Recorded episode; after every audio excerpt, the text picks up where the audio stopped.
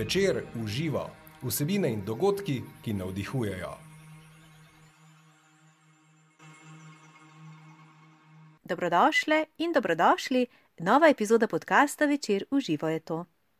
Lahko rečem, da bomo tokrat spoznali recept za izpolnjujoče in radostno življenje. Se sliši mamljivo?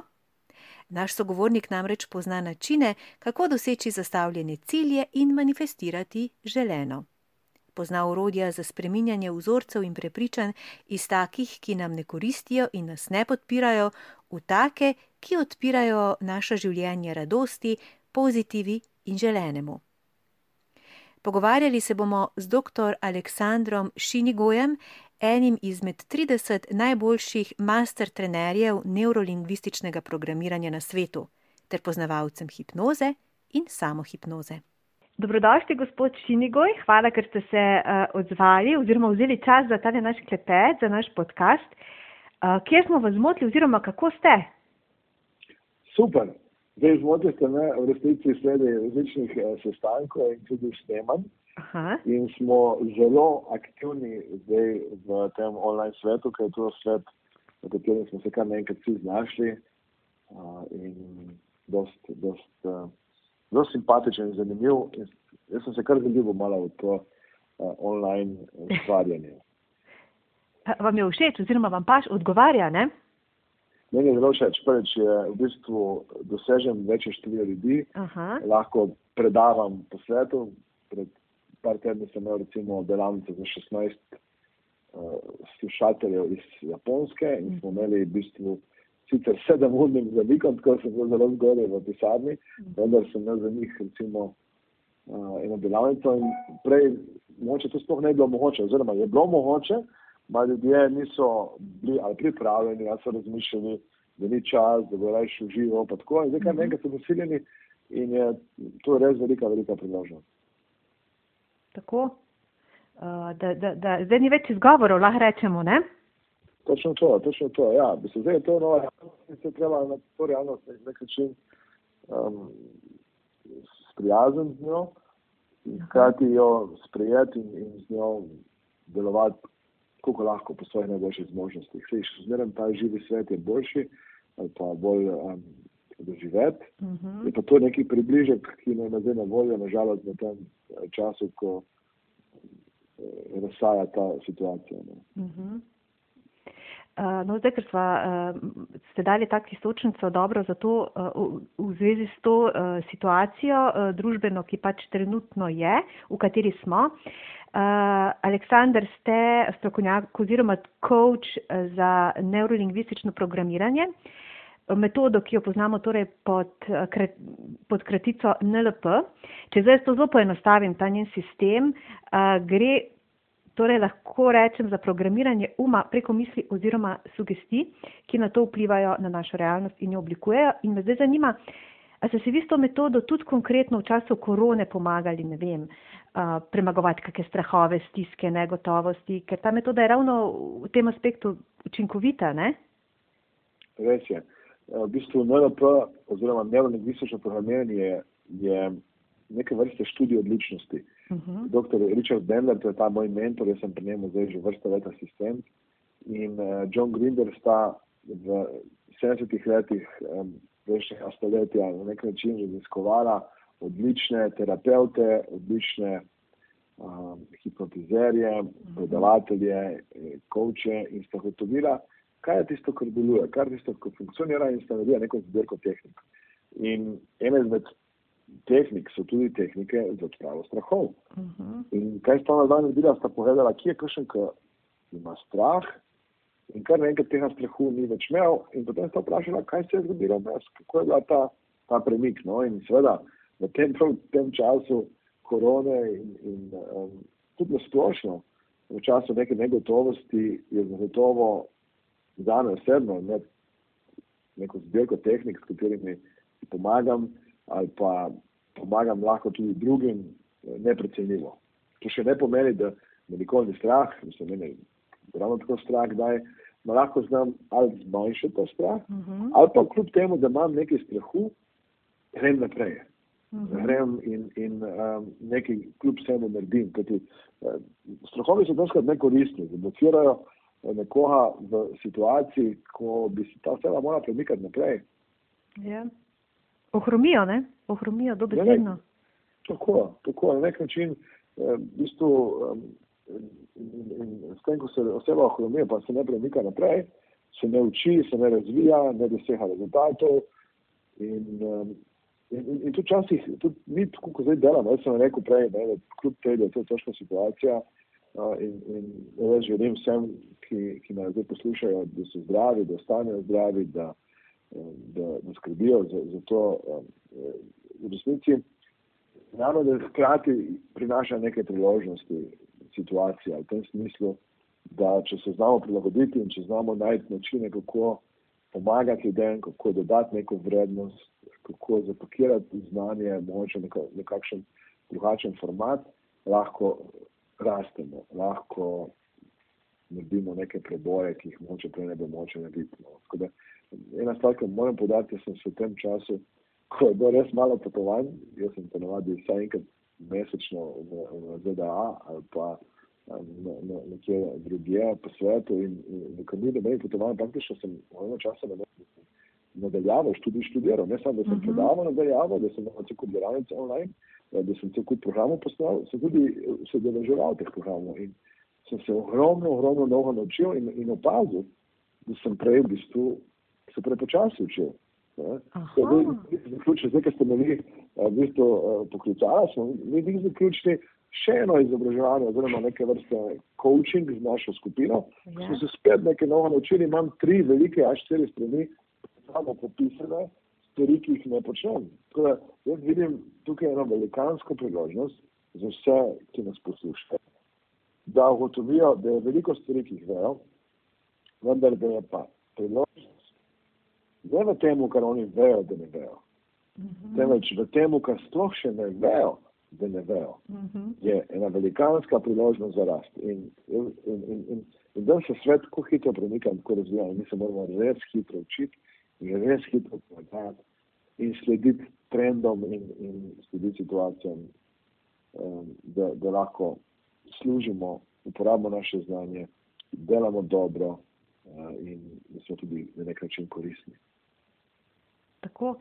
Um, in ravno ta metoda, ta NLP, neurolingvistično programiranje, zdaj bi me zanimalo, da jo malo bolj konkretno predstavim. Uh, jaz sem zdaj prej zelo poenostavljeno rekla, ne, da v bistvu uh, nekako programiramo svoj um, posledično preustvarjamo oziroma ustvarjamo realnost, pa me zdaj res zanima, zakaj je naš um tako zelo pomemben, zakaj je pomembno, da znamo, da ga, da ga programiramo uh, z, z kako rečem, prepričanimi ali sistemi, ki delujejo v naše dobro, ki so nam podporni. Dajte nam malo to in kako NLP pri tem dejansko pomaga. To je neko zelo praktično in učinkovito orodje, ki je tudi vam spremenilo življenje zelo, o tem bova tudi govorila. Um, kako torej ta neurolingvistično programiranje, v čem je čar oziroma v čem je bistvo tega, kako deluje, kako nas ja. spreminja? Uh, zdaj, jaz to skladam metaforo ali pa primerjavo kot recimo pri televizorju. Uh -huh. Pri televizorju imamo mi recimo delinca. Ne? In delinc nam pomaga, ali pa delinski upravljalec nam pomaga, da premaknemo z ene postaje v drugo, povečamo glas, zmanjšamo glas, na koncu ugasnemo. Mhm. In podobno je NLP. NLP nam pomaga, da sami s sabo eh, znamo upravljati. Da če nekdo hoče več se motivirati, da se zna zmotivirati, če nekdo se rad prenehal nekaj jesti, zna to narediti, če nekdo grize nohte, da zna nekaj narediti nohte, uh mhm. -huh. če nekdo ima nekaj vzorec, da ali prekomerno je, ali ob nepravilni uri je, ali pa da odlaša za neko stvar. To so take dosti praktične stvari. To je, uh mhm. -huh. NLP je za me neka zbirka praktičnih tehnik.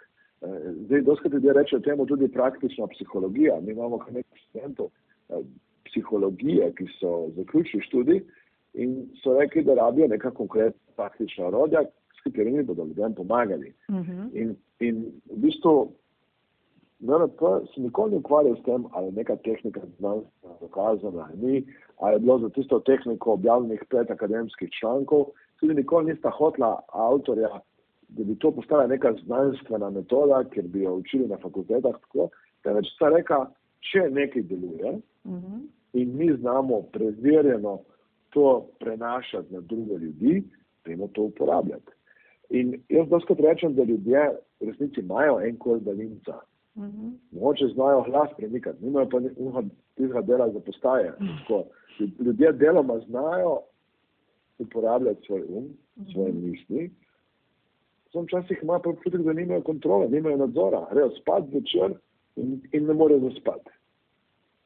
Ali, ali pa bi radi nastopali in predavali in jih je strah nastopati pred publiko, kar je mimo grede zelo pogost strah. Ali pa imajo željo, da bi recimo šli in se ukvarjali športom in potem končajo na kavču ali pa tega ne naredijo. In, in ta del, da poravnajo zavedni um in nezavedni um, uh mhm. -huh. je skrivnost NLP-ja, da se, da se celota človeka poravna proti cilju, proti rezultatu in na koncu seveda uresniči.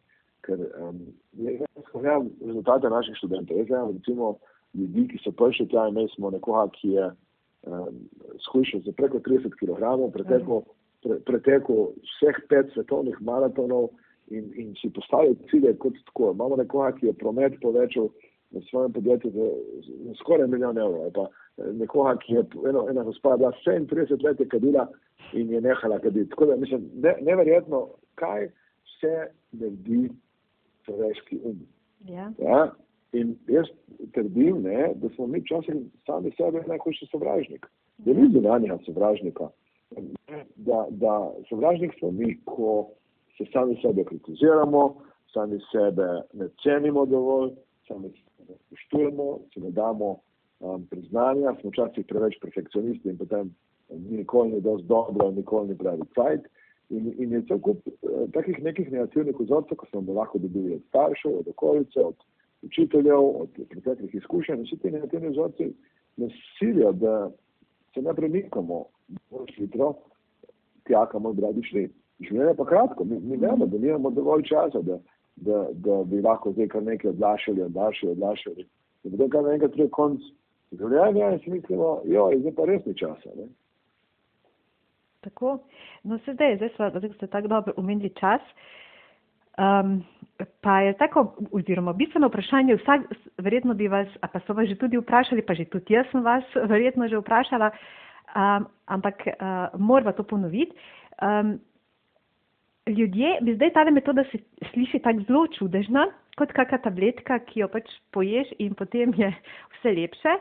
Um, in se naenkrat, ne vem, se vse izravna, vse se nam poravna, vse je v redu. Uh, in bo vsak rekel, kako dolgo pa jaz moram to tehniko, um, kako ne rečem, uh, uh, uporabljati, da jo ponotranjim in da potem mogoče postane recimo konkretno pri premagovanju nekih uh, vzorcev oziroma strahov, da postane neke vrste moj avtopilot. Vi boste zdaj rekli, kaj ja. mi boste rekli do konca življenja. Ja, ja. jaz resnici, uh, zdaj, kar, kar ste rekla, uh, je, je res. Recimo, če bi danes nekoga, ki je živel v prejšnjem uh, stoletju, na začetku, uh, bi, bi mu pokazali, da, da to je čudežna naprava. Ja. Mi danes vemo, vemo, da je čudežna samo takrat, če pritisnemo na gumb in potem res dela. Uh mhm. -huh. In, in uh, isto velja pri naših vseh tehnikah NLP, da jih moramo uporabiti. Če jih ne uporabljamo, resnici ne delujejo. Ja. Koliko časa jih uporabljamo, dokler ne ustvarimo nek nov vzorec, neko uh mhm. -huh. novo. Nek, neko novo pripričanje, nek, neko novo strategijo, neko novo vedenje. To pomeni, jaz um, Večkrat ponavljam to, da učenje, ker mi, jaz, mislim, kot MLP-jevci, ne, uh mhm. -huh. kot, um, kot mentori, nismo terapeuti. To, to večkrat podarjam našim študentom. Uh -huh. Če mhm. ljudje hočejo terapijo, imajo uradno medicino in je grejo tja. Yeah. Naš posel je, in mi se ukvarjamo s tem, da učimo ljudi, kako drugače mislijo. Uh mhm. -huh. Smo neke vrste učitelji izobražujemo ljudi, da drugače mislijo, da drugače upravljajo s svojimi mislimi. Programiramo ta notranji svet, da se potem izvodijo drugačni odzivi, drugačne spremembe in tako. če nekdo recimo je star 30 let in je 30 let programiral svoj um z negativnimi vzorci, bodi se kdaj kriva okolica in tukaj sploh ne iščemo krivca, iščemo predvsem to, da je včasih ena sugestija ali pa ena majhna tehnika Uh -huh. super, ker nekomu pomaga Ja. in naredi spremembo. No, potem oseba gre nazaj v svoje staro okolje, v, v staro, um, v stare vzorce, ki jih ima posod doma, okrog sebe, ki ima neka sidra doma, pa ljudi, ki ga spet, pa jo spet programirajo in tako. In zato je fajn, da tehniko spet ponovi. Tako, Ja. Tehnike preverjeno delujejo, če jih uporabljamo. Tako da vem, če pritisnemo na gumb in je vse noter baterija, bo, bo ta postaja se zamenjala, ali pa glas se povečal, zmanjšal, ali pa televizor se ugasnil. In isto velja tukaj, če mi tehniko uporabljamo in jo uporabljamo konsistentno, po nekem času je ne bo treba več uporabljati. Tako. Vendar vsaj na začetku je potrebno, da nekaj postane to, kar ste rekli, nezavedna kompetenca, moramo mi zavedno se s to tehniko a, ukvarjati. Ko- Koliko časa, ker ni več 21 dni, to spravim, dokler je tako avtoma, avtomatično, da o Mhm. tem ne rabite razmišljati več. Tako. To. To, to. In se tako smo rekli, trening. Če lahko delamo trebušnjake in ustrajamo, gre po tukaj za podoben princip, ne? V, v Isto, ustvarjanju isto. novih vzorcev. Isto, se, se, se tudi pri, pri trebušnjakih je vaja, če nekdo gre in, in, in, in tudi tukaj govorimo o tej konsistentnosti, ki ljudje včasih pozabljajo. Ne? Uh -huh. recimo pridejo k nam na delavnico in, in um, so nekateri, nekateri se to zgodi in so potem en mesec, dva meseca, tri mesece napolnjeni s svojo energijo in potem Mhm. kar naenkrat, ker so v starih vzorcih, ker ne, ne toliko recimo skrbijo za telesno hrano in, in, Mhm. in gibanje, je bilo fajn, da skrbijo za mentalno hrano in za, za to, da po- polnijo svoj um z nekimi dobrimi vzorci ko sem se danes recimo vozil uh, v pisarno, sem poslušal posnetke, kjer sem spet dobil idejo za neko stvar in spet se, sem sebe premaknil do stanja. In vsak rabi to. Uh -huh. Tudi vi še, vi še obnavljate oziroma uh, še rabite, kako bom rekla, to, da osvežujete oziroma vadite, kako naj rečem, kljub temu, da ste že mojster, ne? Vse čas. Se, to ni, jaz pravim, da do konca življenja bomo Aha. mladi, do konca Ja, življenja ja. se bomo učili, do konca življenja bomo rasli. In ko nekaj zrastemo, prije Mhm. naslednji izziv za naslednjo priložnost za rasti. Potem si spet rastemo in spet neki izziv, ko se ramo kaj naučiti, ko se bomo učili. Tako. Aleksandr, pa je ta metoda NLP primerna, ne vem, za vsa področja um, poslovnega, rekli smo strahove, uh, tudi verjetno za kakšne uh, kake vzorce za izboljšanje zdravja. Ogromno. Mislim, zdaj, zdaj področja NLP svetovno se uporablja na toliko različnih področjih. Mhm. Eno je seveda NLP v poslu, za vodenje, za komunikacijo, za prodajo, um, tudi to, da so ljudje boljši pogajalci, da lažje kočajo, usmerjajo svojo ekipo, sodelavce. Potem se upravlja zelo veliko v izobraževanju, imamo Mhm. NLP za učitelje, NLP za eh, starše, tudi NLP za otroke, najmlajše, tako da se kar dosti upravlja na tem področju, uh, je cela veja tega, eh, NLP se upravlja v športu, kar je neprecenljivo. Imamo ljudi, ki so tako imenovani mentalni coachi, ki so Mhm. poleg teh Trenerji, tako ja. imenovanih kondicijskih trenerjev, ki so že, so oni trenerji za mentalni del in kar nekaj profesionalnih klubov ima tako imenovane mentalne coache, ki uporabljajo NLP tehnike in tehnike hipnoze, samo hipnoze uh, in coachinga. In vse te tehnike z- danes skupaj uporabljajo na igralcih, uh, uporabljajo se tudi v medicini, uporabljajo se na, na vseh področjih, kjer je priložnost za izboljšanje delovanja človeškega uma. Krasno. Uh, pa Aleksandr, uh, a smo vsi dojemljivi uh, za te spremembe? Ali, um, um, nekateri so tak, trdo, ali imate tudi kakšne trdovratne primere, ali mogoče celo pri kom metoda ni učinkovita? Kakšne so vaše izkušnje oziroma uh, kakšna so dejstva? Ja, zdaj, mi vemo nekaj, da ko je učenec pripravljen, pride učitelj. Uh -huh. In če oseba ni še pripravljena, je kakršna koli tehnika včasih lahko neprimerna. Uh -huh. Bistveno, bistveno lažje je delati z nekom, ki ima željo ljubljena.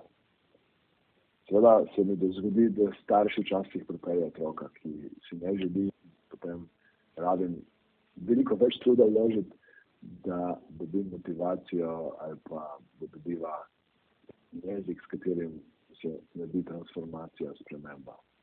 Včasih pridem v podjetje, ko so nekateri veseli, da pridem, nekateri me čudno gledajo, prekrižajo roke. Res. In tudi tam, tudi Kljubujejo, tam, ne? imam- Ja, in, in, in to je zanimivo, da jaz pridem tja, ko so oni med delovnim časom uh, in jim podjetje plača, nič ne rabijo plačati. In kljub vsemu nočijo, da jaz tam predavam. Vse po enem času se malo sprostijo in Aha. um, da sprejmejo malo drugače, na koncu tudi je ta drža drugačna. No, Vsaj na začetku, na 15 minut, je kar uh, intenzivno s to energijo, ki jo dajem v, v skupino. Tako da so, so zelo različne izkušnje, kar se tega tiče. In tudi se mi zgodi, da večkrat pridejo ljudje na delavnico in so navdušeni, so veseli in potem grejo domov in partner tega noče in ne želi sprejeti. In jaz pravim, zakaj bi to sprejel, če je oseba je zadovoljna tam, kjer je. Tako, ne? Če je srečna v tistem svetu, v katerem živi. Če ima drugačen način, kako spremeni svoje misli. Ne uporablja to, kar funkcionira. Ne rabi nujno vse uporabljati, NLP, hipnozo, coaching, to, kar jaz uporabljam. Uh -huh. Je toliko, toliko, toliko drugih načinov, da lahko se pride do cilja. Uh -huh. Meni je to všeč, ker je dost matematično, logično, merljivo, Tako, ker so rezultati hitri, ker lahko uporabljam to na toliko različnih področjih in, in na toliko različnih sistemih. Nisem pa pripričan, da je to lahko za vse primerno, da je to za vse uporabno. Tako da jaz si želim, da bo oseba sama prišla do tega. Tudi jaz večinoma v tem trenutku delam z ljudmi, ki sami investirajo svoj denar, pa s podjetniki, ki sami pridejo, področje zanima. In, um, in tudi zaradi tega priporočam vsem, ki čutijo nek klic ali pa ki bi radi so spremenili, da ne rabijo s tem klicom potem tako okužiti vse ostale, temveč ne bojo potrpežljivi, ne bojo potrpežljivi. Ti ljudje, ki vidijo spremembe, ne, sami jih zanima. Jih bo zanimalo, če bo, če bo nekdo videl, da kar naenkrat se oseba zdravo prehranjuje, uh da -huh. ker oseba kar naenkrat je bolj pozitivna, jih bo zanimalo, da povem mi več, da je jaz bi bil pozitiven. je radovednost nekdo- potem. Tako, tako. Ja. Aleksandar, rekli ste, rekli ste um, um, hipnoza. Uh, zdaj- v bistvu vse gre tukaj za samo hipnozo, hipnozo oziroma za to sugestijo, ne, zdaj pa, ampak da pa se pri izrazu hipnoza ustaviti, se veste, veliko ljudi se ustraši, oh, joj, to pa, ne vem, oziroma hipnozama, zaradi, vse vemo, eh, zaradi uh, včasih um, teh predstavitev uh, oziroma um, uporab uh, v raznih uh, teh, kak nečem, zabavljaških namen, zabavljaške zamene oziroma za namene zabave, dobi en tak manipulativen predznak v smislu zlorab in se ljudje ustrašijo, o je hipnoza pa ne, ampak dejansko uh, hipnotizirani smo mi itak na vsakem koraku, ne, vsak dan, vse ste prej rekli, od okolja, uh, kot otroci, informacije. Um, kaj bi vi ljudem zdaj, ko se ustrašijo, uh, uh, ko slišijo za hipnozo, uh, kaj bi jim raz, razložili, da v bistvu gre tukaj lahko tudi za um, zelo koristno uporabo tega sistema. v tej, v tej moji knjigi Hipnoza ena oziroma močno nezavednega uma, Ja. že na zadnji, na pletnici piše to, kar skozi poudarjam, Ja, da smo mi hipnotizirani 24 na dan. Ali, ali želimo ali ne. Ja, Hipno, hipnoza se dogaja cel čas. Kaj je v resnici hipnoza? Hipnoza je način, kako mi komuniciramo sami s sabo, mhm, in kako gledamo na naš svet. In to se dogaja cel čas, tudi po noči, ko spimo in sanjamo. mhm, In um, če gledamo medije, recimo televizijo, ko so recimo novice še posebej imajo doskrat kar nekaj negativnih insertov. Ja, to pomeni, ne pokažejo, da se je nekdo poročil, ponovadi pokažejo, da ne, je pa še nekaj negativnega. In seveda če mi dovolimo, nas bo ta novica dala v neko slabo stanje, če mi Tako. tega ne dovolimo, nas ne bo. Tako. Zaradi tega ponavljam, ker vedno znova govorim, da je vsaka hipnoza samo hipnoza.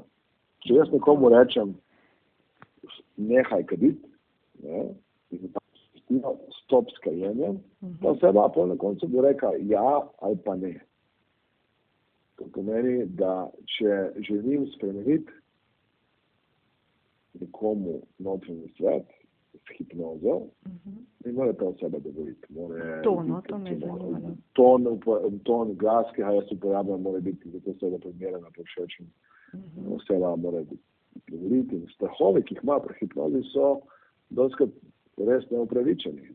Prvi strah, ki ga ima ljudje, je, kaj, če se nikoli ne zgodi. To, ja, no, točno. Ja, in potem mi vemo nekaj, da oseba se vedno zgodi transa. Ne? Ja, Uh, in, in, in um, tudi če bi recimo, ne, ker- trans se dogaja pri televizorju, pri televizorjem, če nekdo zvoni do sajta, boste se zbudili ali pa v bistvu boste šli odpred vrata in boste nehali gledati ali pa bili hipnotizirani strani televizorja. Če, če oseba ali pa otrok gleda tablico po telefon, sam vzamete tablico in do konca hipnoze bo začel še iskati kakšne druge stvari.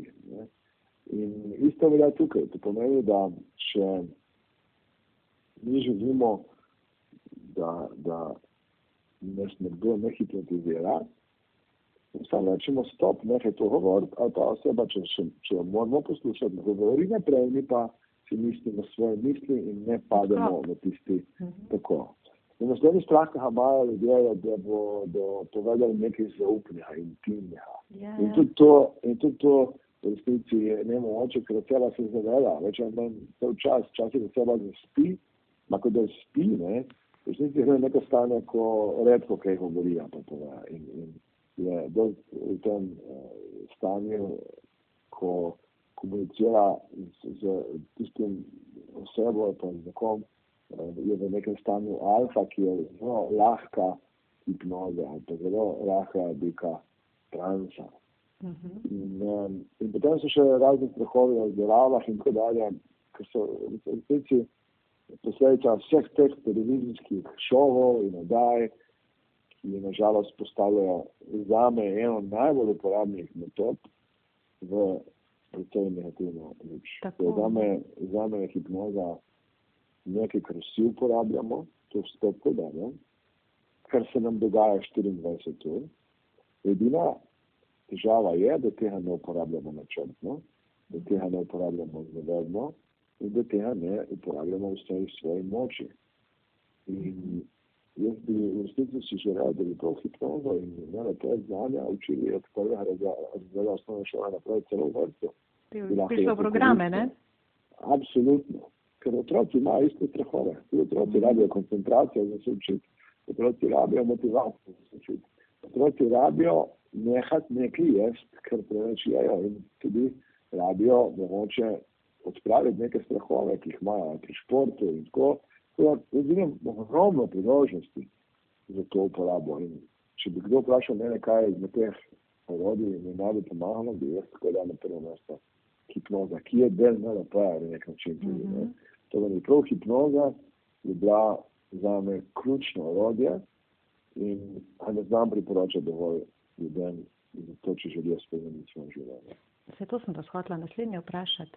Kako uh, je, um, jaz poznam to vašo zgodbo, pa bi rada, da jo slišijo še naši poslušalci, kako je v bistvu, kaj bi tisti prelomni trenutek, ko ste vi spoznali um, to metodo oziroma NLP in kako vam je uh, preoblikovala vaše življenje?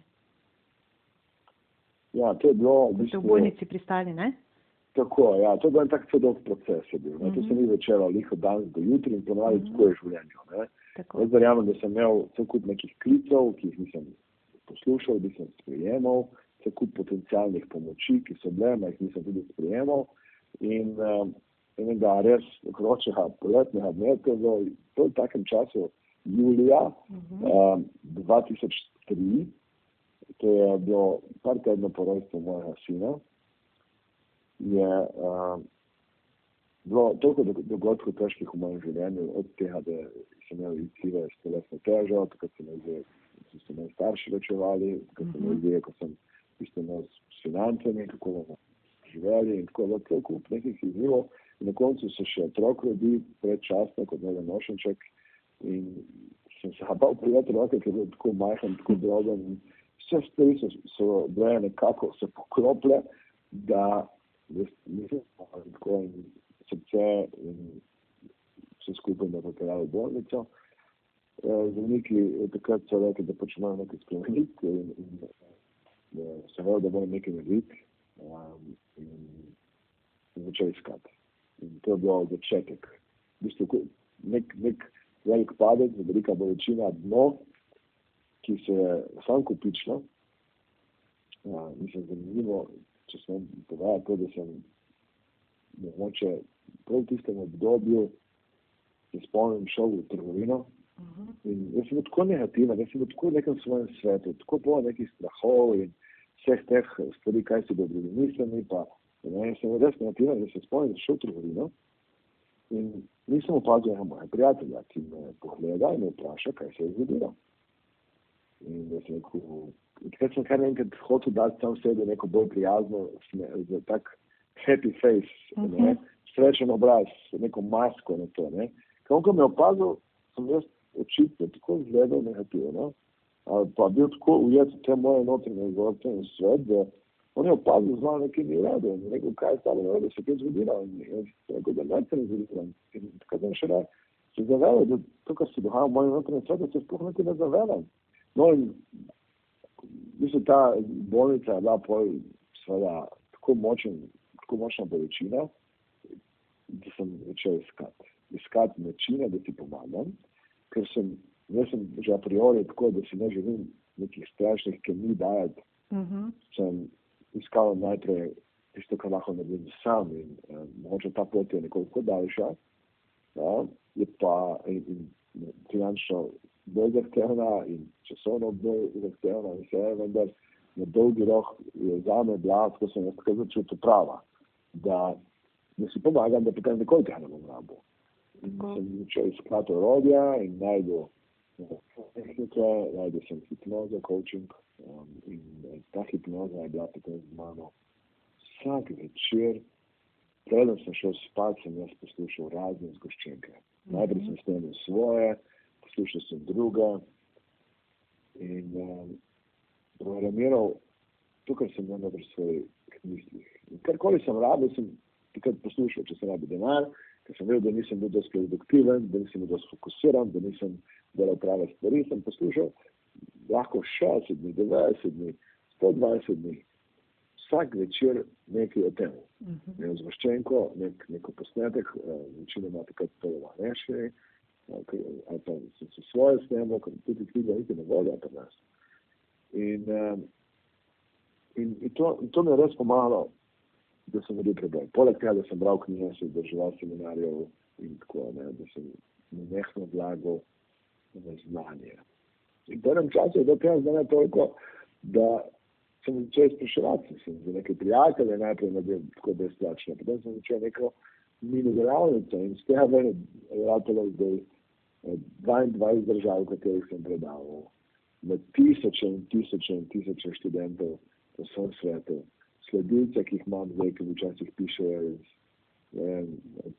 Šrilanke, ki sem predal v Brazilije.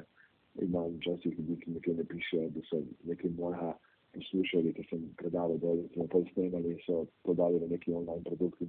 Teda, to se je zgodilo iz tiste bolečine, na koncu z vso to samo hipnozo, avtosugestijo, avtogenim treningom, ker ta hipnoza ima toliko nalepk, uh -huh in si niti ne morete predstavljati, kje se vse uporablja odtenek tega. Ne? Ljudje nekaj svoje naredijo, dodajo nekaj svojega, kar nekaj, to sploh ni več hipnoza, je to vizualizacija. Um, v bistvu to gre za res eno lepo klasično zgodbo o uspehu, ne? Lahko ja, ne vem, ja. Ja, ja. Ne vem, če tako sliši, je bila, ni bilo več načrtega, več, um, je bila zelo spontana zgodba, res. Um, noč načrtnega je verjetno neki klic, bi jaz rekel, ja, in jaz nikoli nisem, da sem pa nekaj uspel, jaz sem vse občutek, da sem me še kaj novega naučiti, komu še pomagati. Ja, res, če, če, če, bi nekdo rekel, če bi nekdo rekel takrat, da bom to počel, kar zdaj počnem na takem način, kot zdaj počnem, bi rekel, ti nisi normalno. Kaj, kaj, kaj govoriš? Ne? Ja. Uh, ker takrat je bilo strah, ne, tako strah stati pred publiko, pa neprijetno ne. Ne, ne, da bi se bal publike, take, kot take, ker to, to ni bilo problem. Problem je bilo stati pred publiko in take stvari govoriti, kot so coaching, posebnostna rast, uh -huh. uh, hipnoza, NLP in tako naprej. Tako da moče je in premalo se treba lahko zavedam res uspeh in uh, hkrati tudi odgovornost. Da bom še naprej se izvedel, še naprej delal to, kar delam in pomagal čim več število ljudi. Krasno. Aleksandar, zdaj pa še za konec bi vas prosila, naš slogan podcasta je um, vsebine in dogodki, ki navdihujejo, pa me zanima, kaj je tisto, kar vas v življenju zdaj trenutno oziroma sploh najbolj navdihuje. Um, mene vedno navdihujejo ljudje, ki nimajo nobenih možnosti, ki so v resnici najbolj nekje na dnu in nobenih ne opazi in najdejo moč in se premaknejo naprej. Mogoče včasih povezujem to z mojim premikom, uh -huh. ki pa niti ni bil približno takšen, kot so premiki ljudi, mojih študentov, ki jih vidim, ko grejo iz tako težke situacije, ali z bolezni, ali z situacijo, ko so bili v nekem zelo toksičnem odnosu in so naredili pol preboje, ali z tega, ko so imeli ne vem koliko minusov na čelu in so najdeli način, da, da, da poplačajo. Ko, ko, še vedno pomagam občasno pri Tony Robbinsu, ki je bil eden od mojih mentorjev v začetku in lani se spomnim v, v tem, na tem tečaju Day to Destiny, ker sem bil kot ciljno videl, je bila ena, ena, ena punca na muzičku in, in tako da sem imel tako dobre volje in sem, sem videl, da nekomu pomaga, ta oseba je bila srečna vesela.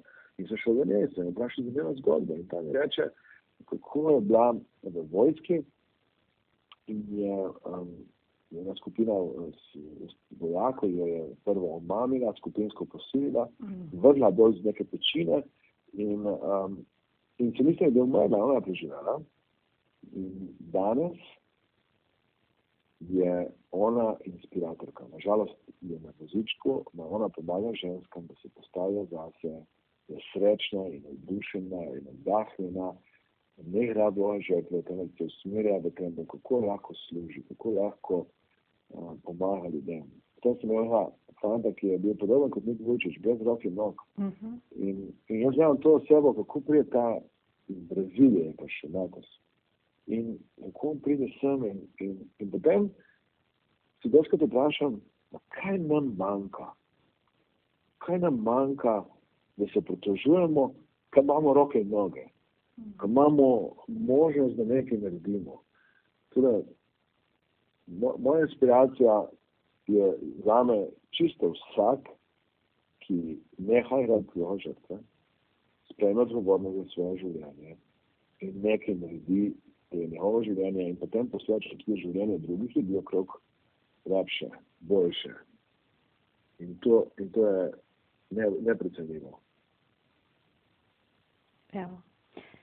Doktor Aleksandr Šinigoj, hvala za močna, lepa in srčna sporočila. Hvala vam. Več informacij o večerjih v živo in o podcastih večer v živo najdete na naslovu trikratvojni www.com poševnica v živo in na facebook strani večer v živo. Z vami sem bila Maja Furman, srčna in srečno, dok malu.